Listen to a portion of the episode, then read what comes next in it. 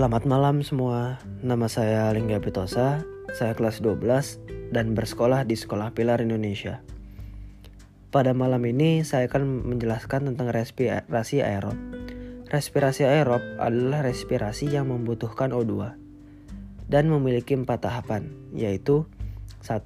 Glikolisis 2. Dekarboksilasi oksidatif Yang ketiga, siklus Krebs Dan yang terakhir, transport elektron Tempat terjadinya glikolisis ada di sitosol dan hasil akhirnya adalah 2 asam pirufat, 2 NADH, 2 ATP, dan 2 H2O.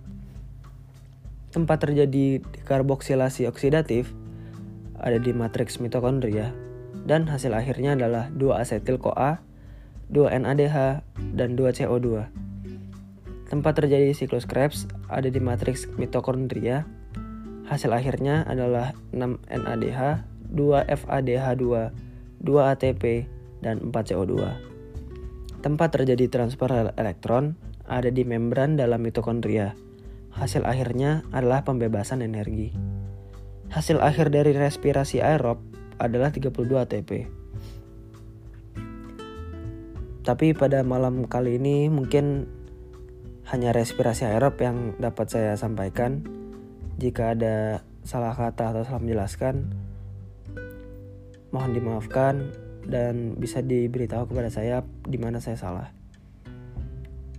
Sekali lagi, nama saya Leng Epitosa. Selamat malam.